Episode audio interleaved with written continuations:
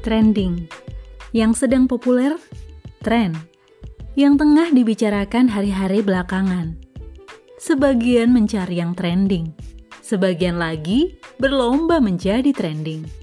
Syukur kalau yang diupayakan itu hal yang baik dan dengan cara yang baik. Tapi sebagian terjebak dengan ambisinya, berupaya meraih kepopuleran agar mendapat pengakuan. Bertindak tidak patut sampai-sampai rela mengorbankan jati diri. Sesungguhnya pengakuan orang lain bukanlah segalanya. Orang lain hanya mampu melihat apa yang di depannya, tidak tahu proses dan keseluruhannya. Berlakulah yang terbaik tanpa harus menjadi nomor satu. Saat kita berupaya yang terbaik, sesungguhnya kita sudah menghargai diri sendiri. Dan bonusnya dapat dikagumi dan diikuti orang lain.